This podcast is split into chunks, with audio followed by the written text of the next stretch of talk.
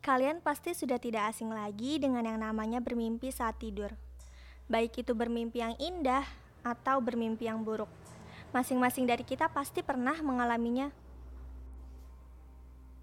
Hai, kenalkan, namaku Eri Amalia, siswa SMA Negeri 6 yang akan menceritakan kisah mimpi yang kualami saat masuk jenjang SMP, hingga membuatku trauma dalam jangka waktu yang panjang.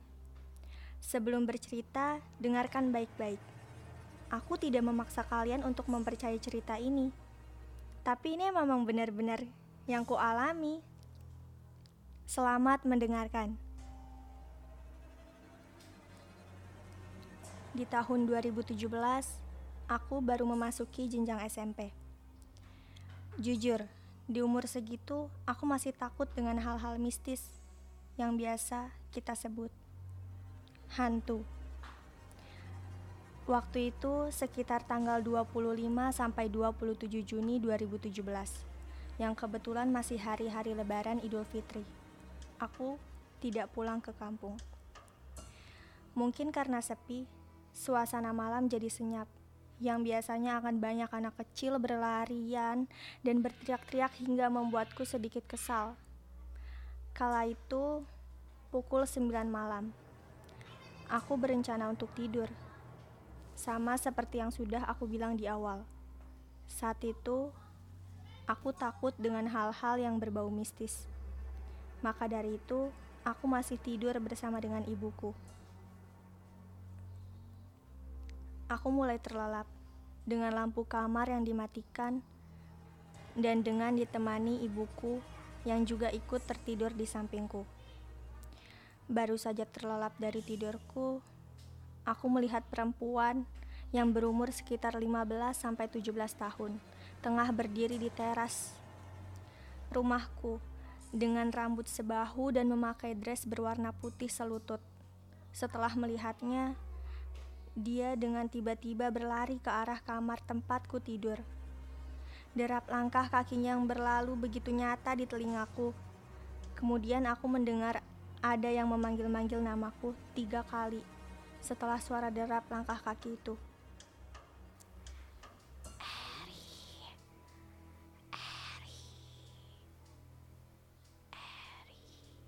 Suaranya hanya seperti hembusan nafas, namun agak serak. Setelah mendengar ada yang memanggil namaku, aku terbangun dan membuka mataku. Tapi saat aku membuka mataku, seperti ada yang berbicara. Mati lu! Oke, aku baru sadar. Setelah aku membuka mataku dan mendengar kalimat seperti ancaman tadi, tubuhku tak bisa digerakkan. Kata orang tua, itu namanya arep-arep. Aku mulai panik karena tidak bisa menggerakkan tubuhku. Mataku mencari keberadaan ibuku tapi tidak ada di sampingku. Aku mulai membaca surat-surat yang kuhafal seperti Al-Fatihah dan surat tiga kul. Alhamdulillah, tubuhku bisa bergerak setelah membaca surat-surat itu. Tetapi masih terlalu lemas untuk bangun dan masih shock untuk menyadari kejadian seperti apa tadi. Lalu, aku berusaha bangun dari tempat tidurku dan mencari di mana ibuku. Ternyata ibuku sedang asik menonton TV. Aku melihat jam. Sekarang pukul 12 malam. Aku ikut menonton TV dengan ibuku sambil diam-diam menangis ketakutan. Setelah kejadian itu, paginya aku bercerita ke ibu dan ayahku, tetapi mereka tidak percaya. Tapi setelah melihat aku sekitar hampir sebulan setiap malam selalu menangis, mereka mulai percaya. Setelah kejadian itu, hampir tiga tahun, aku masih trauma. Karena setelah kejadian di tahun 2017 tadi, masih ada kejadian lainnya di tahun 2018 dan di tahun 2019.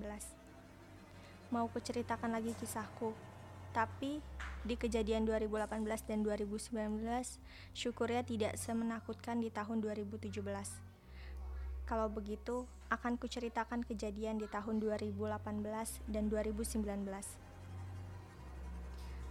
Setelah mengalami kejadian di 2017, aku mulai berpikir, ketika hari-hari lebaran, aku tidak akan tidur malam dalam seminggu untuk mengantisipasi kejadian tahun 2017. Tapi ternyata di tahun 2018 ini, aku pun mulai mendapat gangguan dari mereka yang disebut hantu. Waktu itu sudah kurencanakan untuk tetap terjaga sampai subuh. Baru aku akan tidur. Untuk mengisi waktu hingga subuh, aku memilih mendengarkan lagu-lagu yang berada di playlistku untuk mengusir ketakutanku. Tapi saat aku mulai memasang earphone ke telingaku, mau tahu apa yang terjadi? Aku mendengar suara Miska atau kita bisa bilang kuntilanak sedang tertawa. Aku merasa jaraknya cukup dekat, tapi tidak terlalu dekat. Kata orang, jika mendengar suaranya terasa dekat, berarti dia jauh dari kita. Aku mendengarnya. Gerakanku terhenti. Padahal lagu yang kunyalakan cukup besar volumenya.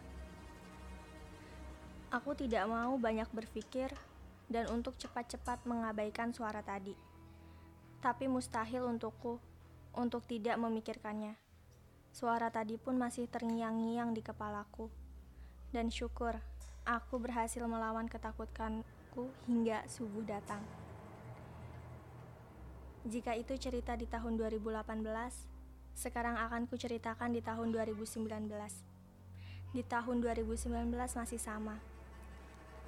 Aku mengantisipasi diriku untuk tetap terjaga selama semalam hingga subuh. Selama seminggu saat hari-hari lebaran. Kali ini sama seperti tahun kemarin. Aku mengisi waktuku dengan bermain handphone. Tetap saja, Sekitar jam 2, aku mendengar pintu kamarku diketuk tiga kali. Oke, bisa saja itu orang tuaku. Tapi asal kalian tahu, aku tidak mendengar suara langkah kaki ayah atau ibuku sama sekali. Aku berusaha mengontrol pikiranku untuk tidak ke distract oleh hal-hal mistis seperti mereka.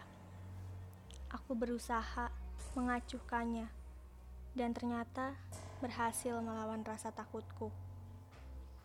Dan itulah kisahku.